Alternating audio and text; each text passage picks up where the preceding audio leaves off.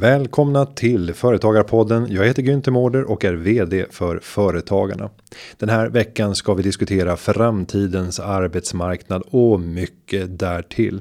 Ja, hur kommer framtidens arbetsmarknad att se ut och hur kommer du som företagare att påverkas av det här och hur säkerställer man att man kan vara relevant i kanske en ny typ av ekonomi? Och vad krävs för omstarten av den svenska ekonomin när vi förhoppningsvis kan lämna coronakrisen bakom oss? Men hur långt är det kvar till dess? Ja, det här och mycket annat ska vi ta reda på i veckans avsnitt av Företagarpodden. Dagens gäst är en eh, person som är ekonomidoktor, föreläsare, författare och mycket mer. Han har arbetat som forskare och lärare vid Institute of International Business vid Handelshögskolan i Stockholm. Han är en av Europas mest efterfrågade föreläsare och tillsammans med Per Schlingman har han även givit ut en bok för ett tag sedan som heter Urban Express som väckte mycket uppmärksamhet. Jag säger varmt välkommen till Kjell A Nordström. Tack så mycket. Och inledningsvis så ska vi väl starta där många har skapat en relation till dig. Kanske på nytt eller för första gången i Sommar i P1. Nu i somras. Det stämmer och um, den här sommaren har ju Sommar då slagit rekord har jag förstått i lyssning. Vi får ju små brev, informationstexter ifrån Sveriges Radio där berättar om att det här är rekord genom tiderna. Och det har ingenting att göra med mig utan det har ju att göra med det här viruset som vi alla känner till. Ditt avsnitt blev ett eh, både undervisande men också ett berättande avsnitt om dig själv och din egen bakgrund. Men mycket var ju just att försöka förklara det här med ekonomi på ett sätt som gör att alla människor förstår det. Är ekonomi komplicerat? Ja, det är det eftersom det ytterst är moralfilosofi. Mm, och därmed så lämnar man ju så att säga det tekniska. Det är inte bara en räkneövning. Många saker i ekonomi är ju jag skulle inte säga triviala, men de är bara att lära sig så att säga. Därför att de bygger på en slags algoritm eller en logik. Men sen finns det delar som har att göra med rötterna till det ekonomiska systemet som ju då är ren moralfilosofi. Och du tar ju ett grepp som innebär att du går tillbaka till de mest elementära grundläggande känslor som vi som människor har och mm. våra drivkrafter. Är det så att ekonomi påverkas så starkt av våra egna mänskliga drivkrafter? Ja, antagligen är det svårt att tänka sig ett tillstånd där vi inte ägnar oss åt någon form av utbyte eftersom livet skulle bli så förfärligt eländigt för oss att göra allting själva.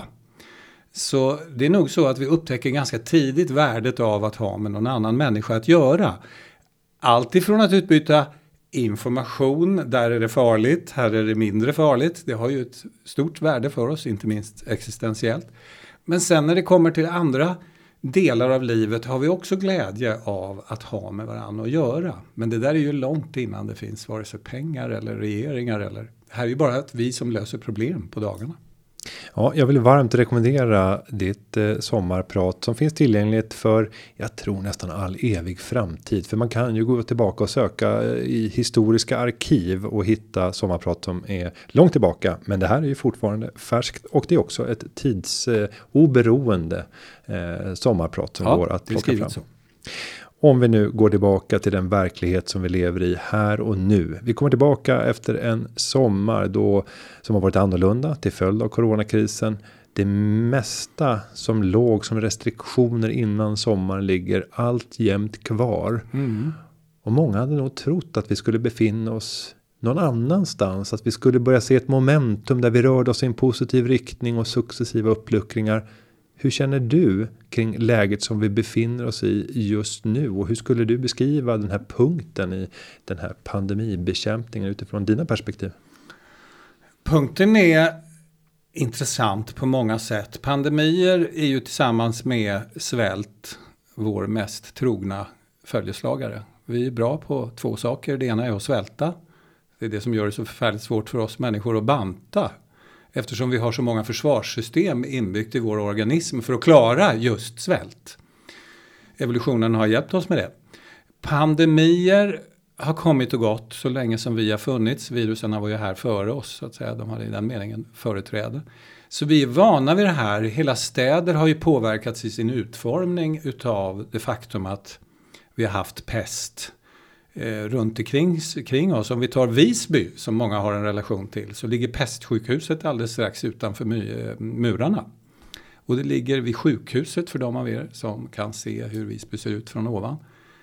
Eh, det ligger kanske 200-300 meter utanför murarna. Man visste redan då att här gäller det att skeppa ut det obehagliga och lägga det fysiskt en bit ifrån. Separation. I Venedig ligger det på en ö. Pestsjukhuset, det gamla pestsjukhuset. Vilket visar att vi har påverkats men inte stoppats av pandemin. Och där är vi nu, tillbaka till din fråga. Vi är på en punkt där vi har påverkats, för det har vi. Vi börjar ju få in siffror hur ekonomierna har påverkats. Men vi har långt ifrån stoppats. Och siffrorna som jag fick mig till livs häromdagen från olika delar av Europa och i viss mån USA, de är ganska uppdaterade, visar att det verkar som, om vi jämför med vad vi trodde i mars och april, hur våra ekonomier skulle påverkas, så har vi påverkats mindre. Det förefaller som det moderna ekonomiska systemet var mer robust än vad vi trodde där i mars och april när vi satt och tittade på vad, hur virusets utbredning och hur det kommer att påverka våra ekonomier. Det finns, när man håller på med naturkatastrofer och deras påverkan på samhällen, ett mått som kallas robustness. Och det är ett mått på hur ett samhälle påverkas av en given händelse. Må det vara en orkan, en översvämning eller vad det nu kan vara. Och flera kan säkert minnas det översvämmade New York för 5, 6, 7, 8 år sedan. Då nästan ingen, och jag tror en eller två personer omkom. Men vi kan också minnas översvämningar som har varit i andra delar av världen som inte då är lika robusta i sin konstruktion. Som då har påverkats på ett högst dramatiskt vis. Det kan vara så att när det gäller virus så är den moderna ekonomin, transparenta, välfungerande ekonomin mycket mer robust än vad vi trodde. Och det är väl fantastiskt att hålla i det. Och om vi pratar om robusthet så brukar ju de flesta kriser efterföljas av olika typer av finansiella kriser i efterdyningarna. Eh, som ett resultat av att eh, tillgångar har gått om intet och eh, högt belånade individer och företag tvingas under och banker får bära en del av det ansvaret. Än har vi inte sett något av det. Inte ens när vi blickar ut i Europa. Va? Nej. Är det sannolikt att vi kan gå igenom den här krisen utan att det blir finansiella krisverkningar?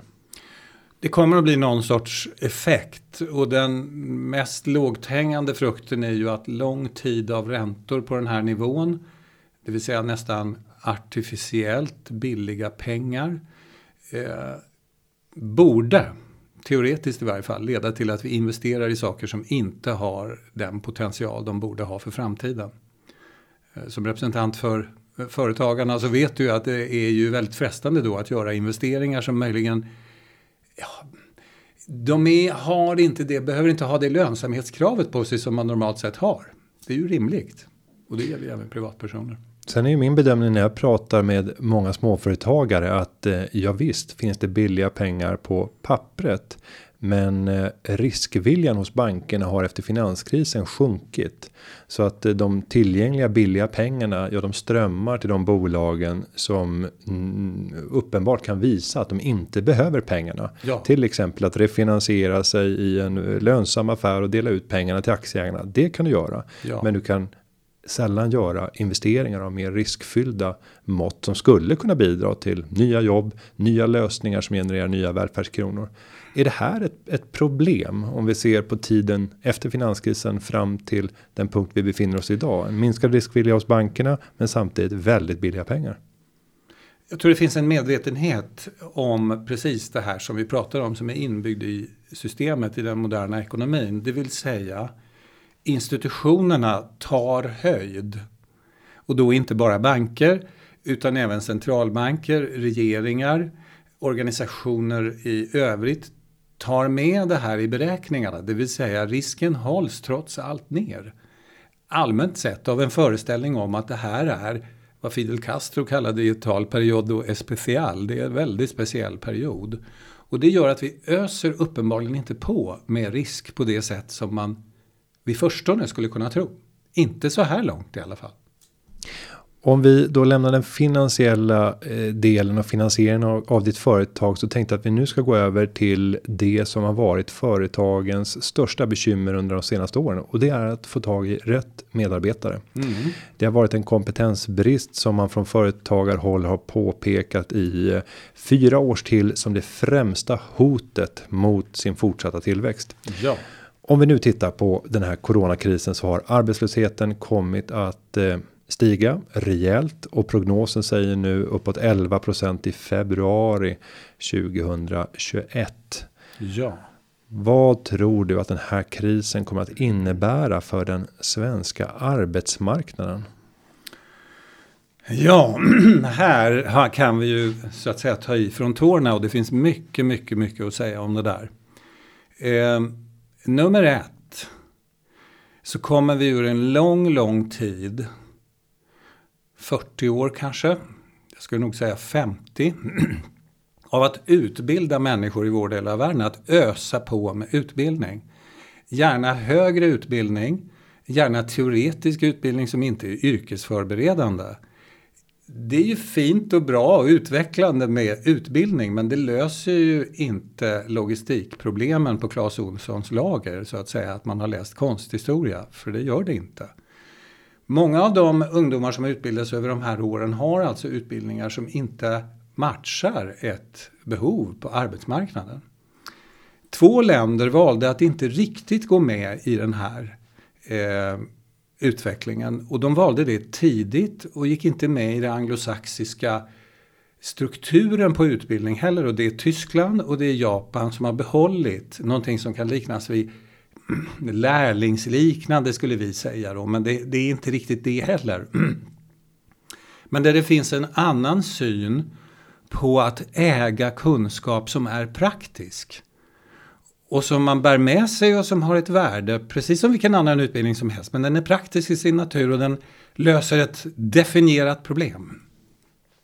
Och det här menar du att Sverige och eh, andra länder som har följt den anglosaxiska vägen får lida av i den här kommande omställningen som vi kommer behöva göra inför den nya arbetsmarknaden? Ja, eller? det är en hypotes att vi hamnar i en kris där vi kommer att få ställa oss frågan ska vi fortsätta på den inslagna vägen med långa teoretiska i många fall inte yrkesförberedande utbildningar samtidigt som vi ser en arbetsmarknad som har klara definierade behov av personer som kan allt ifrån språk till programmering till logistik, praktiska saker som ska lösas på dagarna. Medan vi producerar generalister, eh, teoretiska generalister. Och det där kommer att bli en kris i den mån det inte är det redan nu. Om vi ser till krisen så introducerade man korttidsarbete och forcerade fram det som ändå skulle presenteras här under hösten. Men tidigare la det verktyget som man hade tänkt att ge till industrin som ett verktyg för att kunna reglera i eh, svaga konjunkturlägen och snabbt dra ner personal och kunna jobba med vad man skulle kunna beskriva som en deltids a-kassa, men som kan ja. påkallas av företagaren och där företagaren får betala mer per arbetad timme som personen är inne. Det är väldigt få som beskriver det på det sättet, men då tycker jag att det ger en mer rättvisande bild över vad det faktiskt är. Men det här har ju räddat arbetslösheten från att skena. Ja.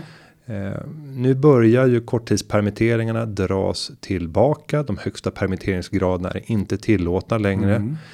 Eh, är din bedömning av att företagen nu går in i en fas där man kommer att börja säga upp för att justera arbetskraften efter eh, den verklighet som man nu lever i. Absolut. Men på marginalen, för det förefaller som jag sa tidigare så här långt som om krisen inte blev lika djup som vi kanske förväntade oss i våras när vi satt och tittade på det här utifrån hur kommer det här att spela ut i respektive land. Och Sverige ligger så här långt som eh, siffrorna indikerar på långt under 10% dipp i BNP och de siffror som då gissades på var ju långt över 10% Vi vet ju inte var det kommer att sluta på årsbasis än men en rimlig hypotes är ju att vi inte får något dramatiskt dipp under hösten och fram till nyårs eh, till eh, årsskiftet. Men 8,6% i tapp för svensk BNP under ett enskilt kvartal. Mm. Det har ju aldrig någonsin inträffat under vår livstid. Möjligtvis som vi hade levt på 30-talet. Ja, kan det ha varit något enskilt kvartal. Men osannolikt att det skulle ske på ett kvartal. Det var många på, på varandra följande kvartal med svag utveckling. Det här måste ju få effekter som vi tidigare aldrig har skådat med de här snabba förändringarna. Jag tänker att hastigheten också innebär skador. Hastigheten spelar absolut roll, men samtidigt är det ju så att det finns en idag generell förståelse av att inte låta kriser slå igenom på det sätt som det en gång fanns en föreställning om. När du och jag läste ekonomi så fanns det också den där tanken på att marknader skulle justera och parera saker själva om man lät saker slå igenom så att säga. Idag tror jag de flesta skulle säga, men låter vi saker slå igenom, då får vi bestående skador. Det vill säga, säger vi upp personer eh, en masse, skingrar den kunskap som finns så att nätverk eh, förstörs i vissa industrigrenar så är det ett förfärligt arbete att sätta ihop det där igen. Då är det bättre att på något sätt skruva ner aktiviteten, visserligen till en högre kostnad, men vi kan ropa på de här människorna gradvis och ta in dem i nätverket igen. Och att det där ger, det lindrar effekterna. Det finns en förståelse av att den här hårda, sätta saker i konkurs, låta eh, de ekonomiska processerna ha sin gång, att vi ska lindra det i den mån vi kan. Och det verkar fungera så här långt. Men om vi ser till arbetsmarknaden och eh, pågående trender utanför corona så kan man ju titta på ett typiskt exempel för svenskt vidkommande och det är ju Ericsson. Eh, om vi går tillbaka och tittar på Ericsson i slutet på 90-talet så hade man jag tror att man har ungefär lika många anställda idag som man hade år 1999 2000. Men skillnaden är att de anställda är inte i Sverige. Eh, I Sverige så tror jag att det är mer än två tredjedelar av den svenska personalen som är eh, uppsagda. Men många är återinkallade igen. Men som tekniska konsulter och egenföretagare som får fortsätta leverera på samma uppdrag som de hade tidigare. Men med eh, risk i egen bok istället. Man får äga sin egen anställning. Ja. Eh, och det här är bara ett exempel på ett storföretag, men vi ser det bland alla storföretagen. Men vi ser också småföretag som i allt hög utsträckning enmansföretag arbetar i nätverk för att kunna konkurrera med större företag. Min, min spaning är att vi ser allt fler som försörjer sig via eget företagande som form. Ja. Det har varit en trend som är tydlig och långsiktig. En sån här kris kommer den att påskynda den redan pågående trenden?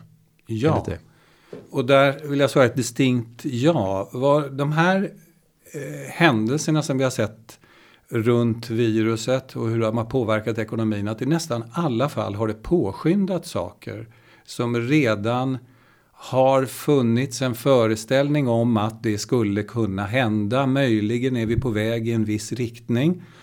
Och det viruset har hjälpt till med att skynda på det här. Nästan som ett enzym som det kallas i biologi. Man tillsätter ett enzym och då får man upp farten på processen. Ja, vi har fått upp farten på ganska många processer. Det här är en av dem. Men många, många andra också. Konverteringen från vanlig handel till e-handel har ju ökats på farten. Värderingen av bolag som sysslar med allt ifrån Amazons verksamhet till sök till spel, elektroniska bolag har skyndats på. Det är ju väldigt tydligt igen om vi tittar på börsutvecklingen.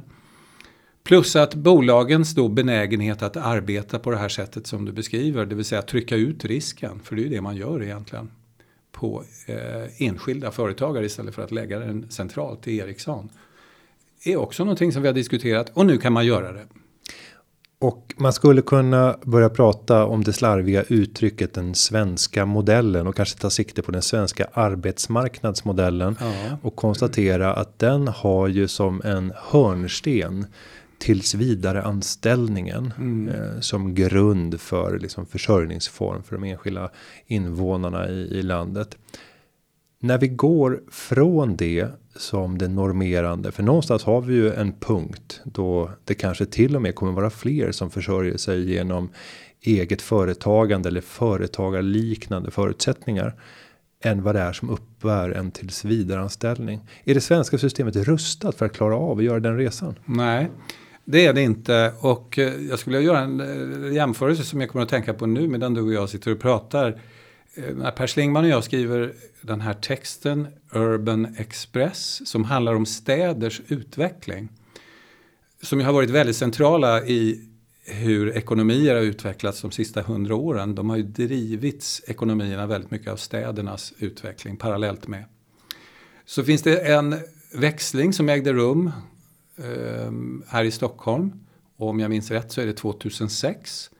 Det är när Stockholm blir en riktig stad.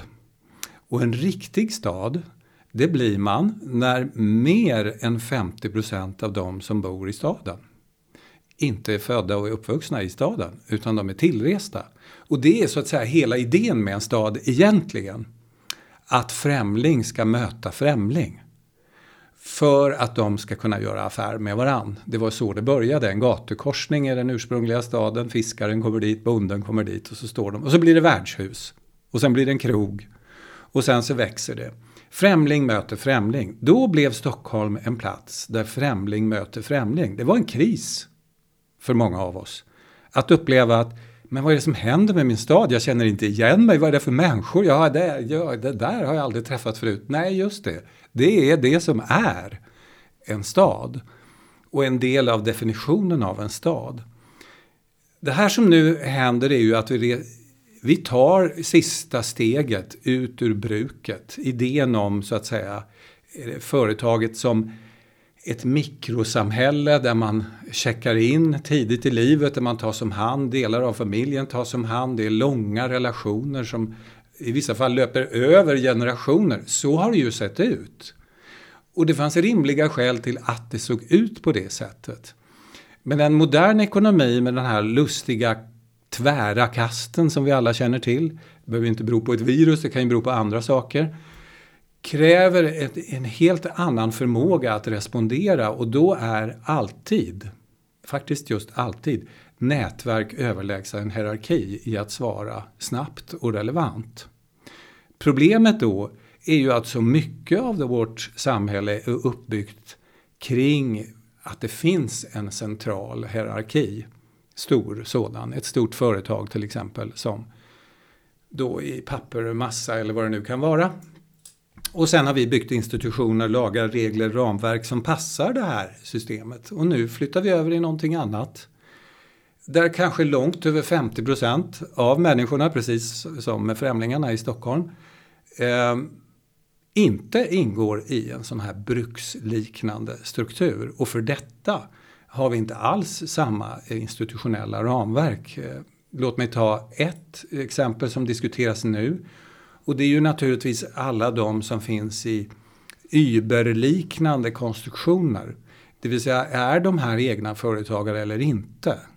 Nu har ju en domstol i Kalifornien lokalt eh, förklarat att det är de inte. Det är ju bara början på den diskussionen. Vad är det här för en form? Är de företagare?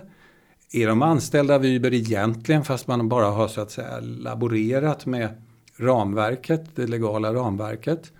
Och hur ska vi säkra att de här personerna lever ett drägligt liv så att säga i välfärdsstatens Sverige och i Norden där vi har ganska högt ställda krav på vad som är ett bra liv.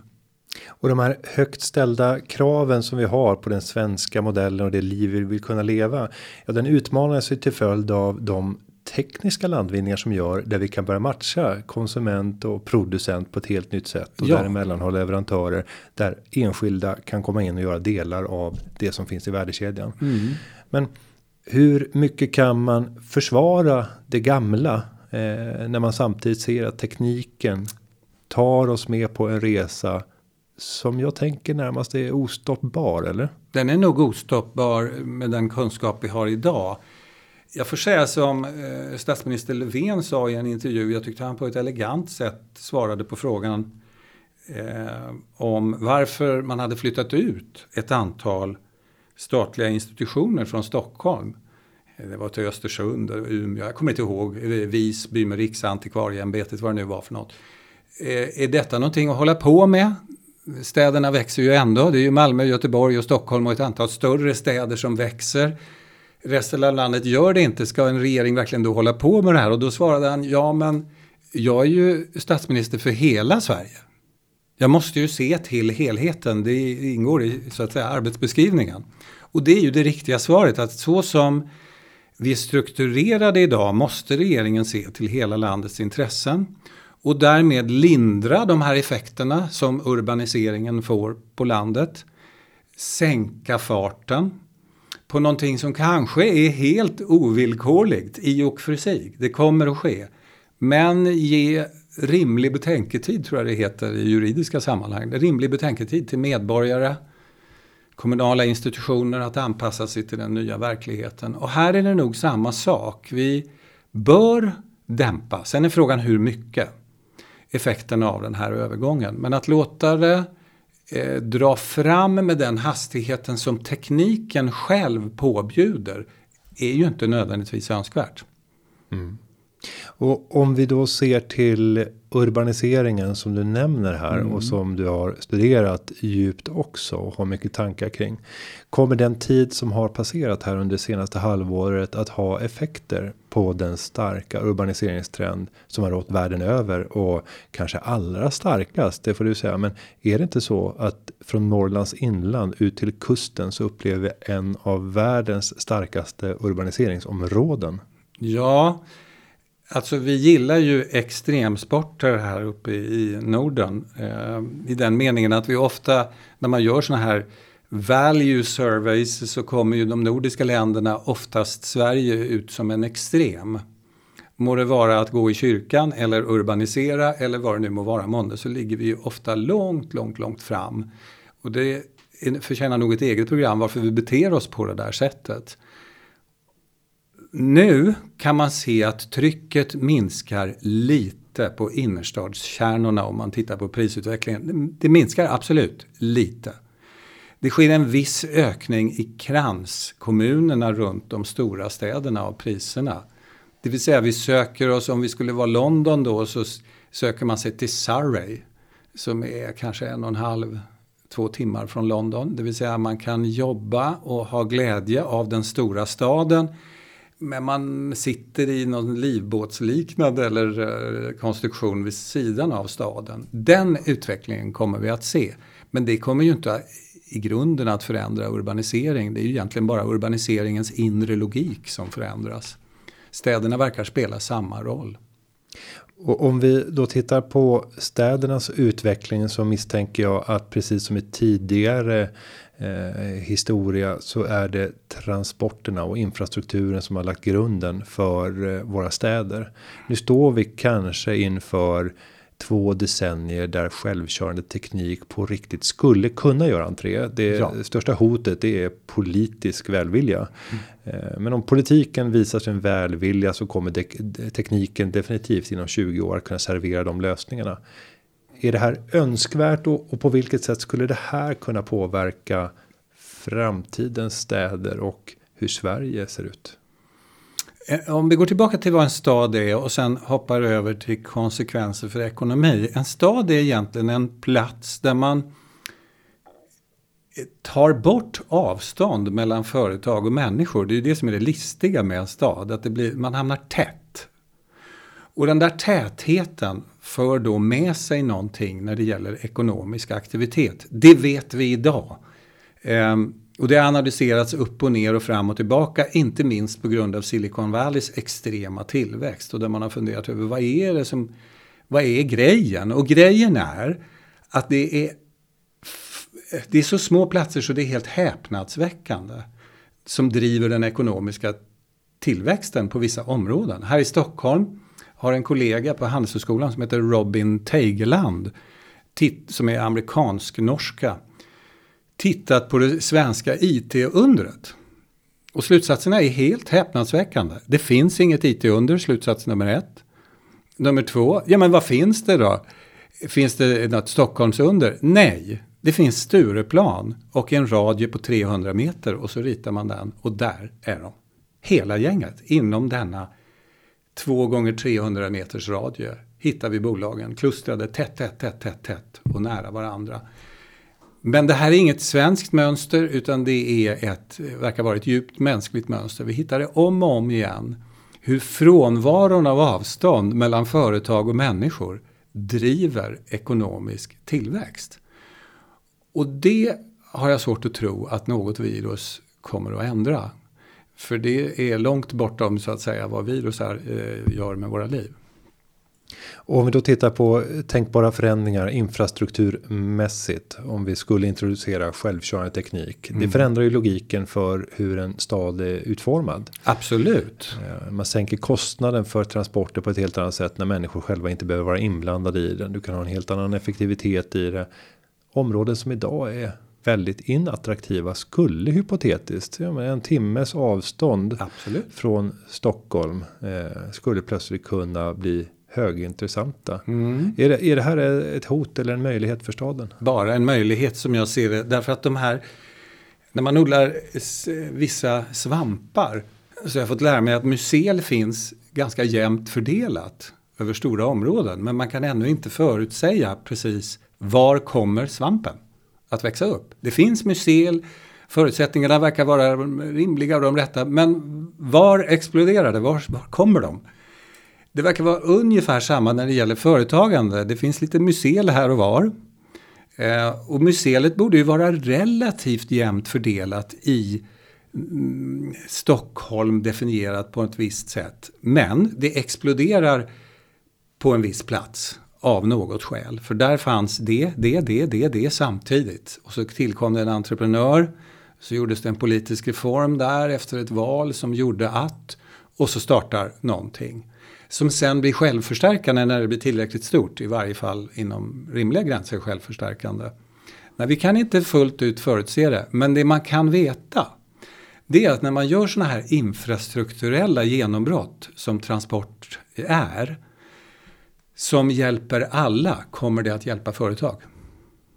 Per definition, och företagare. Om vi går till den här företagaren som nu står att planera inför hösten och sin långsiktiga framtid. Du har krisen nu i färskt minne. Hur skulle du rekommendera att den här företagaren ska tänka för att öka sin robusthet för framtiden? Det är flera olika saker i det där. Nummer ett, eh, det beror ju för, naturligtvis på vad man gör, men nummer ett är att världen kommer för överskådlig framtid att ha ett regionaliserat drag över sig. Konflikten mellan Kina och USA kommer inte att lösas av ett presidentval eller någonting sånt. Så i förstone så är det en tudelad värld vi går till mötes. Det vill säga att hitta kollegor, nätverk som är europeiska, amerikanska, lokala eller på annat sätt avgränsade geografiskt. De långa kedjor som vi har haft på vissa områden är möjligen inte lika robusta för framtiden. Oavsett om de var robusta så här långt nu med avseende på viruset så kan man räkna med att det här är inte en fullt öppen värld där globaliseringen tar fart på det här glada, pigga sättet som den har gjort i nästan, ja, vad blir det, 40 år sedan Sovjetunionen föll och, och Kina öppnade sig mot resten av världen. Vi har fått ett hack i den kurvan. Regionalt tänkande förefaller vara rimligt.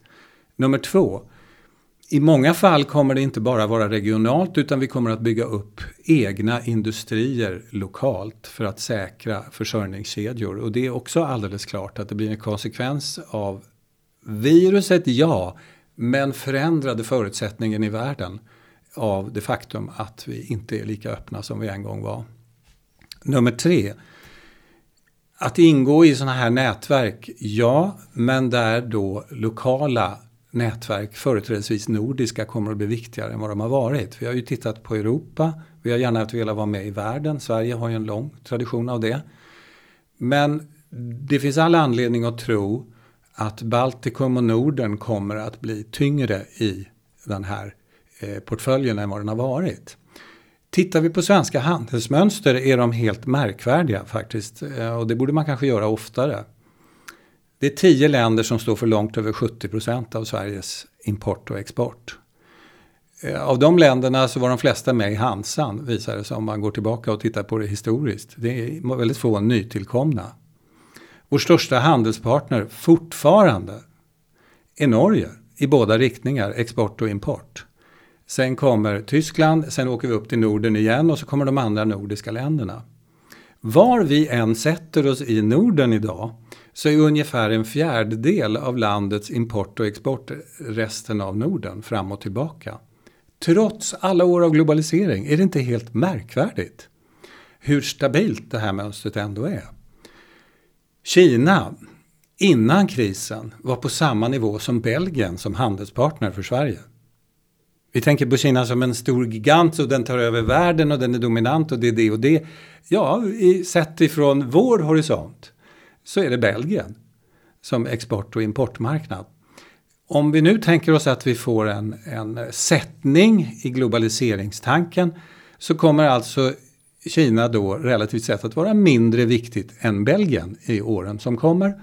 Och nätverken som då är uppe i norr i Europa kommer att vara viktigare för våra företagare än vad de har varit relativt sett.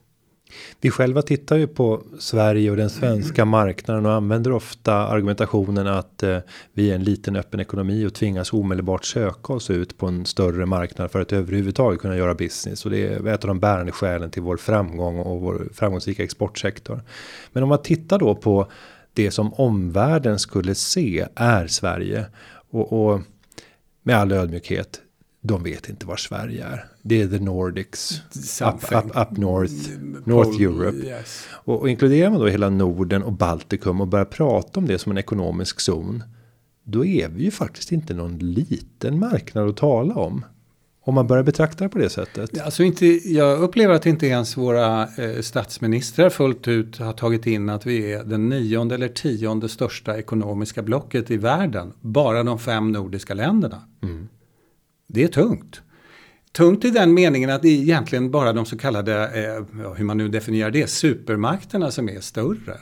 Sen kommer vi som upplever oss som små. Finnar jag skulle säga vi är ganska liten marknad om man pratar med dem. Ja, det är de väl, sett som enskilt land. Men i den här nordiska kontexten är vi ju lite större. Tror du att eh, det nordisk baltiska samarbetet kommer att utvecklas och, och fördjupas om vi tittar framåt nu beroende ja. på hur vi faktiskt handlar, hur vi lever och att vi bättre förstår det. Ja. Av flera olika skäl. Jag ska ta det som ju pratas lite och skvallras kan man väl kalla det. För man kan skvallra som forskare också. Det finns forskningsskvaller. Och forskningsskvallret just nu är det som kallas för ett embryo till civilizational states. Det låter jättekonstigt. Civilizational states är helt enkelt platser i världen som har en så lång historia att de menar att vi är en civilisation i oss själva, tack så mycket. Vi behöver inte vara del av ert. Eh, vi var här före er.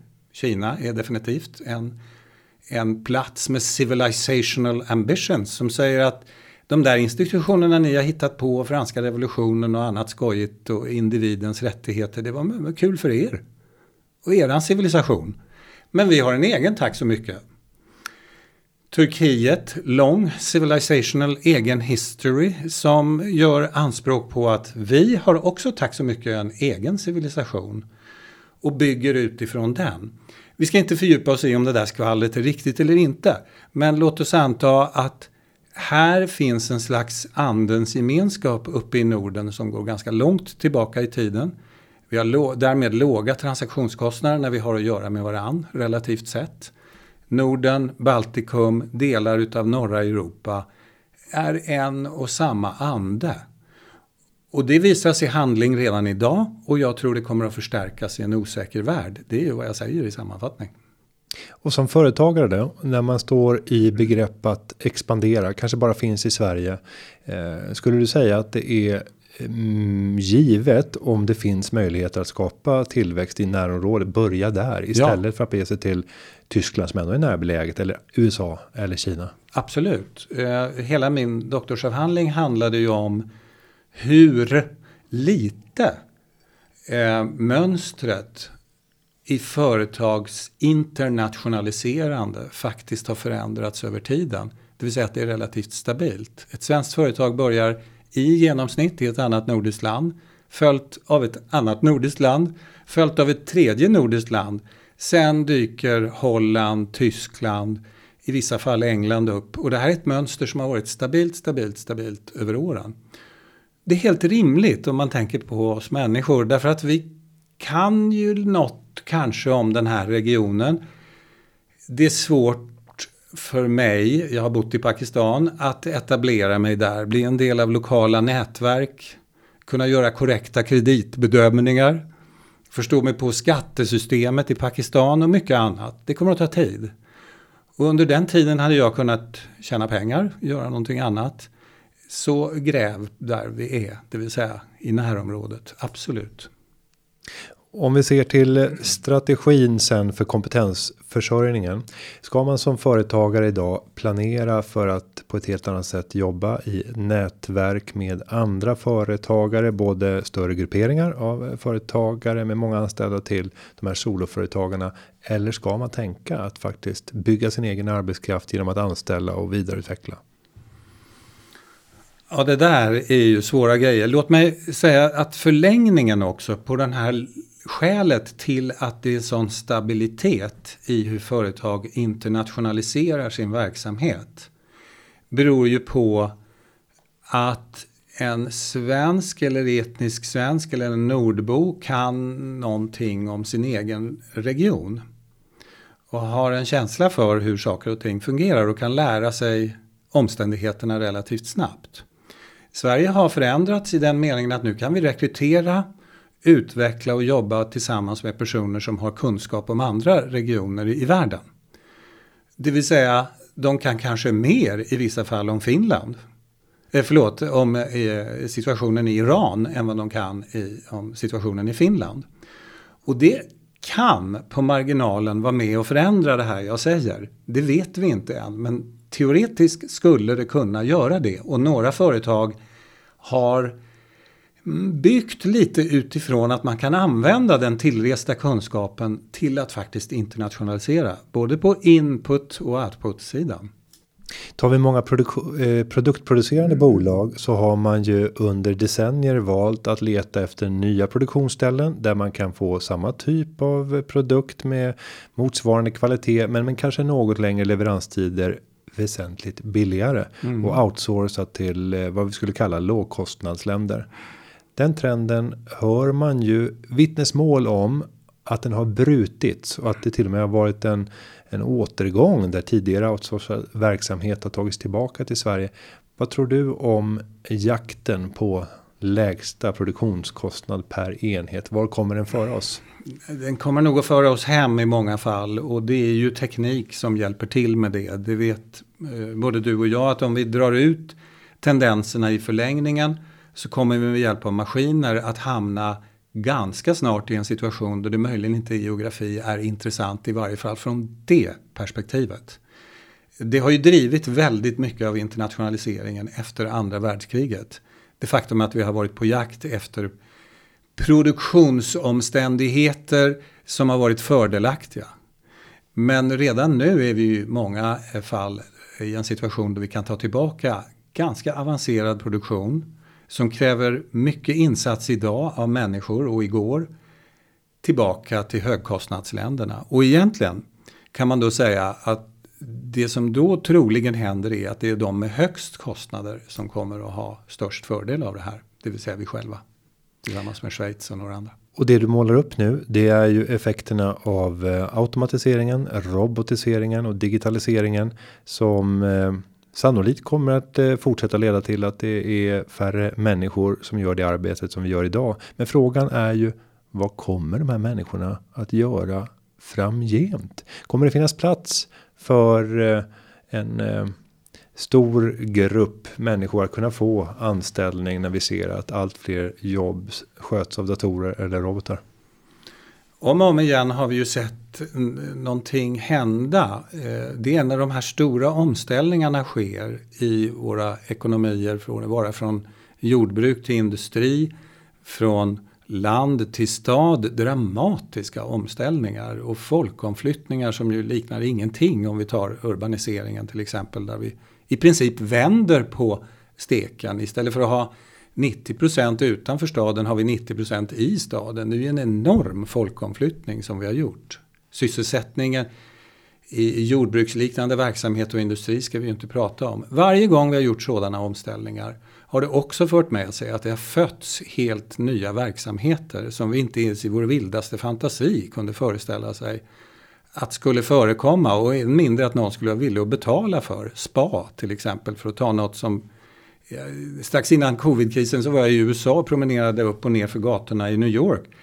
Alltså nu är det ett spa i varje gathörn. Jag säger inte att, vi ska, att det är bra, eller det är inte det jag säger. Jag bara konstaterar att det är en bransch som inte fanns för 35 år sedan. Det, det, ett spa, det, vad är det för något? Så att säga? Och det är ju definierat dessutom på många olika, det finns nagelspa, ryggspa, dagspa, expressspa.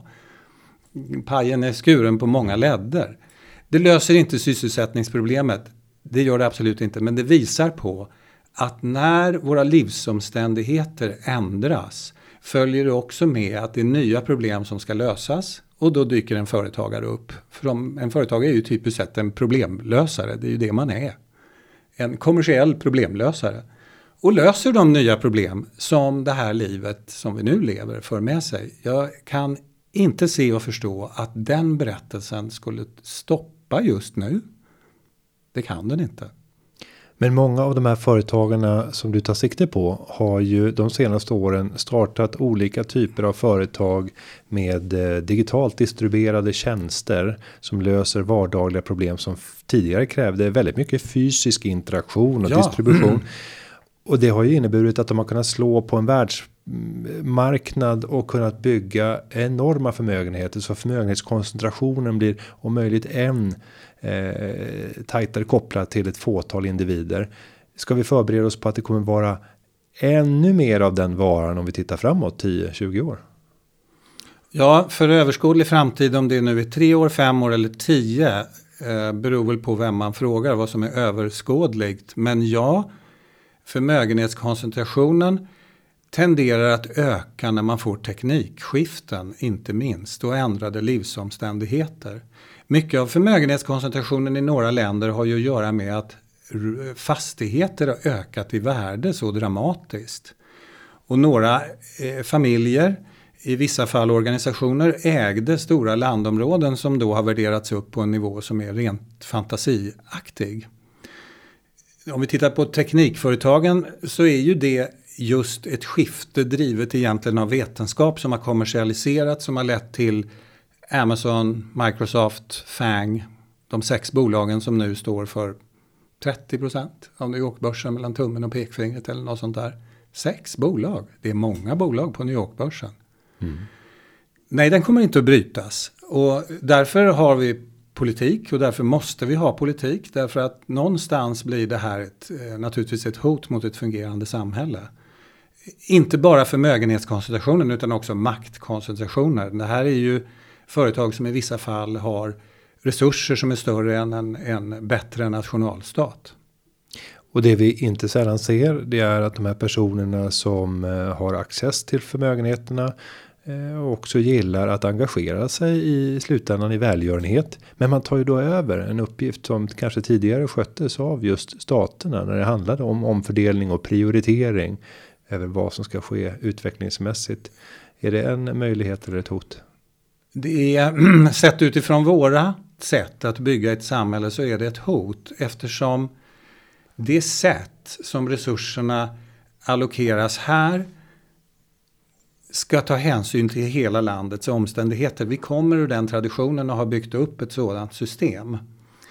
Det andra sättet kallas då för a thousand points of light. Eh, amerikanerna kallar det det, det vill säga att slumpmässigt ges det till olika verksamheter och helheten ska hur som helst sen lösa problemet. Vi tror ju här i Norden så här långt inte riktigt på den modellen. Vi tror ju att man kan planera, att man kan sätta upp en vision om vart vi vill, finansiera det på något sätt med offentliga medel och ta oss dit. Så vi bekänner oss ju inte till den här thousand points of light-tanken. Så därmed sagt, här i Europa och i Norden kommer vi nog att vara ganska bekymrade över den här utvecklingen. Och nu vill jag inte att vi ska avsluta med eh, bekymmer. Om vi ska blicka framåt och eh, slå optimismens klang eh, och låta den få ljuda. vad är det optimistiska budskapet som du vill lämna till kämpande småföretagare just nu som försöker ta sig igenom den här krisen för att ta sig ut på andra sidan. Vad är ditt sista budskap till den här gruppen? Oj, det är ju många det. Um, nummer ett. Jag tillhör de som tror att Norden kommer att göra numret igen. Det vill säga ta sig igenom krisen och komma ut starkare på andra sidan. Allt pekar på att våra ekonomier är just robusta. Så det är nummer ett. Nummer två. Det här är fortsatt ett av de bästa ställena jag känner till att starta och driva företag på. Sett utifrån beskattning, sett utifrån transpar transparens som det då kallas. Det vill säga att man inte är korrupt. Eh, omständigheterna är väldigt goda att driva företag här fortsatt. Eh, nummer tre. Vi har eh, kommit längre än någon annan del eh, av världen när det gäller utjämning mellan könen som på ett relativt självklart sätt tar hela befolkningen i anspråk när vi rekryterar och utvecklar människor. Några skulle säga att vi inte kommit hela vägen. Nej, det har vi inte, men vi kanske har kommit längst då, om jag säger så. När jag tittar på Norden så ser jag den plats som fortsatt kommer att hålla sig kvar på topp 10. Vilket vi har varit på i 70 år ungefär, nästan hur man än mäter. Och vi kommer att förstärka vår position och fortsätta att finnas bland de 10 främsta i världen. Det där tror jag är ett budskap som gör att många företagare ändå får energi att se vilka fantastiska möjligheter som trots allt eh, som just nu skapar en grumlig bild väntar på oss på andra sidan. Och glöm inte, om vi vore den rädda sorten, vi människor, då skulle vi ha gömt oss under sängen för länge sedan när det kom en pandemi. Vi brukar vara under sängen en liten stund, sen kommer vi ut igen och är igång. Och vi hade kunnat ta eh, ett av eh, de här kanske 15 områdena som vi har berört eh, under det här avsnittet och gjort ett helt eget avsnitt om. För så mycket mer finns att säga. Eh, men jag tycker att, att det varit roligt att få sväva över flera områden och få höra dina perspektiv som jag hoppas kommer intressera många företagare som lyssnar på podden.